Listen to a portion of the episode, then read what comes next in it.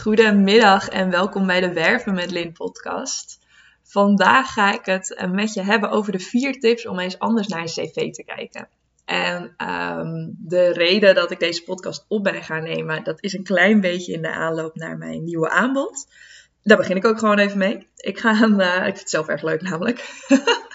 ik ga een uh, webinarreeks geven over uh, werven. En die heet ook letterlijk webinarreeks Werven met Lin. En dat zijn vier sessies. die kan je zowel los als in een reeks ja, kopen, zo gezegd. En dat is om de week. Dus ik ga in februari en maart geef ik ze vier, vier keer, dus acht weken lang. En dat gaat over verschillende onderwerpen. over die te maken hebben met werven. Dus nu moet ik het even uit mijn hoofd doen, want ik heb de pagina niet meer overgezet. Het gaat over het aantrekken van personeel, het schrijven van vacatures, het voeren van sollicitatiegesprekken en het behouden van personeel. Omdat dat toch aan het eind van het verhaal ook wel belangrijk is. Um, ik zal ook even in de show notes een link delen waar je naartoe kan om, voor meer informatie. Maar neem vooral eens een kijkje, want het is, ja, het is eigenlijk best wel heel leuk. Het zijn webinars van een uur, dus het is ook niet super, uh, super spannend. En de investering is 35 euro exclusief BTW per sessie. En als je, een, uh, als je de volledige reeks koopt, dus alle vier, dan krijg je een stukje korting. Maar neem vooral even kijkje op de site.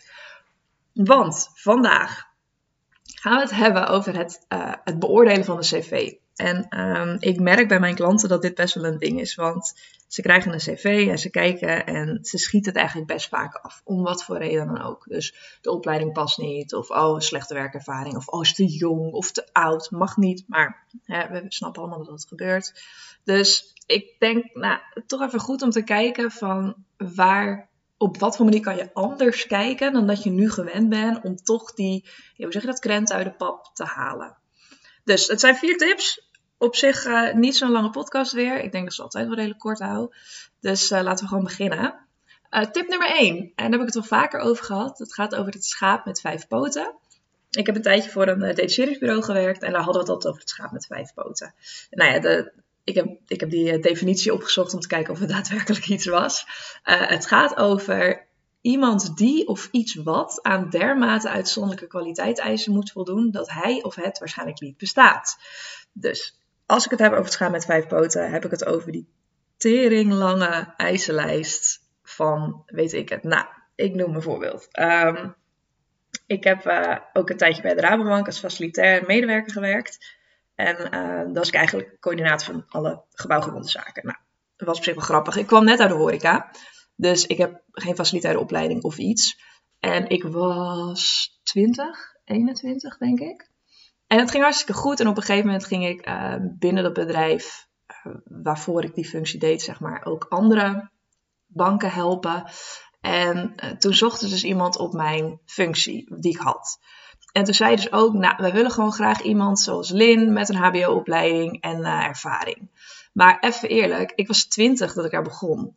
Ik had, ik had geen enkele ervaring en ik had ook geen HBO-opleiding. Heb, overigens.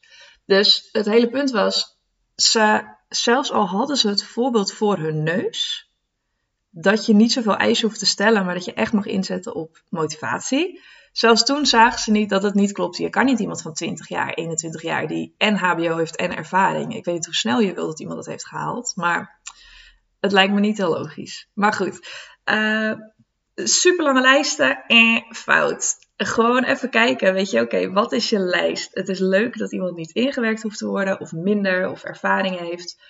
Um, en misschien ook nog leuk kan koken en uh, ook nog super sociaal en weet ik veel. Het liefst ook nog jong en een vrouw.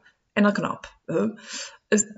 Kijk eens naar jouw lijst. Wat zijn jouw must-haves en wat zijn nice-to-haves? Want daar zit echt wel onderscheid in. En wees ook even heel kritisch of wat echt moet. En wat jij belangrijk vindt. En, en peil misschien eens bij, bij je medewerkers. Want vinden zij dat net zo belangrijk als jij? Of kijk eens wat hun achtergrond is. Of weet je, kijk iets verder. Zet meer in op persoonlijkheid, op motivatie, op ambitie. Iemand die bij jou wil werken. Het is, die eisen, ja, ik ben er gewoon niet zo'n fan van.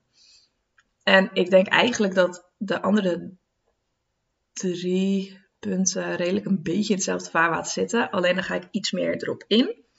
Um, en dan heb ik het over echt met een open blik kijken naar de werkervaring. Dus heel specifiek de werkervaring. Mensen willen graag, ehm, of mijn klanten willen in ieder geval altijd wel graag, dat iemand werkervaring binnen dezelfde branche heeft of in dezelfde functie. En als je altijd een beetje kijkt en je denkt, hmm, schiet hem dan niet meteen af. Kijk eens verder, weet je wel. Uh, een voorbeeld, hoe lang heeft een persoon bij een werkgever gewerkt? Is dit super lang of heeft hij heel vaak gewisseld? Uh, beide, maak niet meteen je oordeel op. Geef eens een belletje. Weet je, veel wisselen betekent misschien dat hij gewoon heel veel ambitie had. En dat niet kon vinden bij zijn huidige werkgever. Super lang op een plek. Ja, dat, dat kan misschien, dat, dat kan veranderd zijn, ook negatief. Maar uh, het kan ook betekenen dat iemand gewoon echt super loyaal is. Dus er zijn ook best wel positieve dingen. En voor hetzelfde geld heeft iemand een hobby. Of, uh, of uh, hoe heet dat? Is hij lid van een of andere vereniging in een branche wat voor jou super interessant is? Dat zijn allemaal dingen waar je best wel naar mag kijken. Nou ja, bijvoorbeeld van mezelf.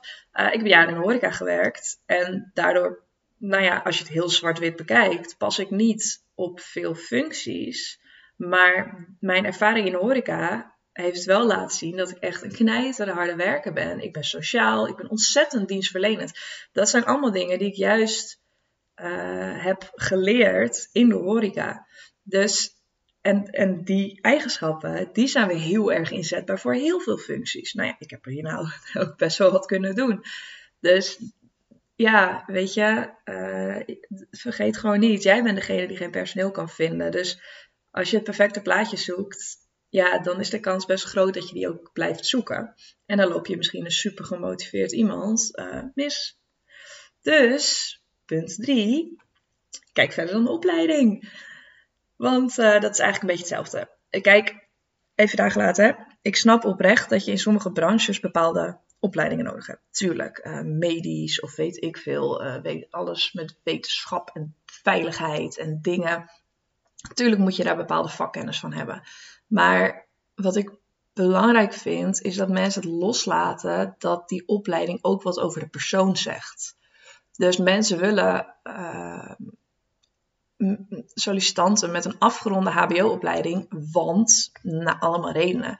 Maar een afgeronde HBO-opleiding zegt niet per se wat over de persoon. Het zegt niks over die persoons inzicht, motivatie, inzet. Het zegt soms niet eens wat over die persoons IQ het zegt wel dat die persoon goed kan leren. En, en niks nadeligs hoor tegenover HBO, dus begrijp me niet verkeerd. Maar, um, nou, laat het op mezelf blijven betrekken. Dat klinkt een beetje apart dit. Maar ik heb zelf een MBO-opleiding gedaan terwijl ik van de HAVO kwam, omdat ik wist dat een HBO-opleiding vier jaar duurde. En mijn MBO-opleiding kon ik in twee jaar doen. En ik vond school gewoon niet leuk ik vind klassen niet leuk, uh, nou, helemaal niks voor mij, examenvrees, noem maar op. Dus het moment dat ik kon kiezen voor een korte opleiding um, en dat ik dan wellicht wat harder moet werken om mezelf omhoog te werken, zo gezegd, ja, dat was prima. Ik, eigenlijk wist ik toen dat ik ondernemer wilde worden. En ik denk, anders kom ik er wel uh, door inzet en gewoon mijn persoon. Dus opleiding leuk, maar je wilt eigenlijk iemand die een bepaalde instelling heeft. En op de een of andere manier zijn er uh, best wel wat meningen over mensen die dan MBO hebben gedaan, terwijl je ze niet eens kent, weet je wel. Dus nou, ik vind het altijd een beetje, laat dat een beetje los en ga in gesprek met die persoon. Dat is eigenlijk altijd een beetje de key in alles. en dan um, de laatste, tip 4. Uh, eh, creativiteit en verzorging. En um, dit is natuurlijk niet in elke functie belangrijk, maar ik vind dat een goede verzorging van een cv of een motivatiebrief is altijd wel een goed teken. Weet je, hoe ziet het eruit? Uh, niet alleen de opmaak, maar ook de spelling. Er zit er een foto bij, oogt het een beetje knap. En um, ja, ik heb altijd wel een beetje een mening van als je aan de ene kant een Word-document hebt, allemaal spelfouten, niet goed uitgelijnd en niet helemaal compleet of uitgewerkt of iets, tegenover een mooi opgemaakt PDF met bijna geen spelfouten. Kan natuurlijk altijd gebeuren. Hè? En uh, een duidelijke sprekende foto, volledige informatie. Ja, dat smolt gewoon even beter. En ik heb dan persoonlijk het idee dat diegene veel eh, verzorgder of gestructureerder of uh, veel meer dingen kan handelen of zo. Ja, ik weet niet. Misschien is dat ook een beetje voordeel van mij hoor. Maar ik vind dat het een goed uitziend cv. Gewoon in totaliteit. Je hoeft echt geen photoshopper te zijn. Al is het heel recht toe, recht aan. Maar gewoon compleet en mooi uitgelijnd. Echt over nagedacht. Dat vind ik altijd veel meer spreken dan iets wat een beetje over schutting gekeild wordt. Dat is overigens wel mijn mening. Maar ik denk bij deze tips, weet je, je kan best wel gewoon even wat, wat opener naar een cv kijken. Ik denk dat het echt iets is wat we mogen leren. Jij zoekt personeel. Het personeel ligt niet voor het oprapen. Kijk even naar jouw beoordelingsproces. Het hoeft niet perfect te zijn. Ik denk dat 80% is goed genoeg. Nou, en misschien is met uh, het puur beoordelen van een cv is misschien 50% wel goed genoeg. Want het is een papiertje. Ga in gesprek met mensen. Geef een belletje of, of uh, maak het laagdrempelig door eerst een videocall te doen en daarna een fysieke afspraak. Weet je, dat je het op die manier een beetje kan, kan, uh, in etappes kan opdelen. Maar ja, probeer het toch, uh, toch wat meer op die manier te bekijken, denk ik. Ik denk dat je daar echt heel veel aan hebt. En je, het werven van personeel is wel gewoon een lastige zaak. Um, überhaupt het schrijven van de vacature en het voeren van sollicitatiegesprekken. Het, het, komt allemaal wel veel bij helpen. Dus, nou ja, mocht je hier meer in willen leren, kom ik toch weer even op terug. Uh, dan heb ik dus die webinarreeks, superleuk. Maar mocht je eerst zelf aan de slag willen, dan kan je natuurlijk ook mijn gratis e-book downloaden. Dat gaat over, um, hoe heet het? Lekker duidelijk. Uh, elf tips voor snelgroeiende bedrijven voor het aantrekken van het juiste personeel. Ook in de knappe arbeidsmarkt. En daar vertel ik eigenlijk, nou ja, dit komt er een beetje in voor. Maar daar vertel ik ook wat meer over uh, de verschillende kanalen waar je, waar je personeel kan vinden. En uh, employee branding en weet ik het. En daar kan je gewoon even wat, wat rustig lezen. En ik zal alle links die nou ja, nuttig zijn, zal ik gewoon even in de show notes delen. Ik hoop dat je er wat aan hebt gehad. Uh, ik weet dat ik hier best wel een enigszins uitgesproken mening over heb. Um, dat is wel gebaseerd op eigen ervaringen.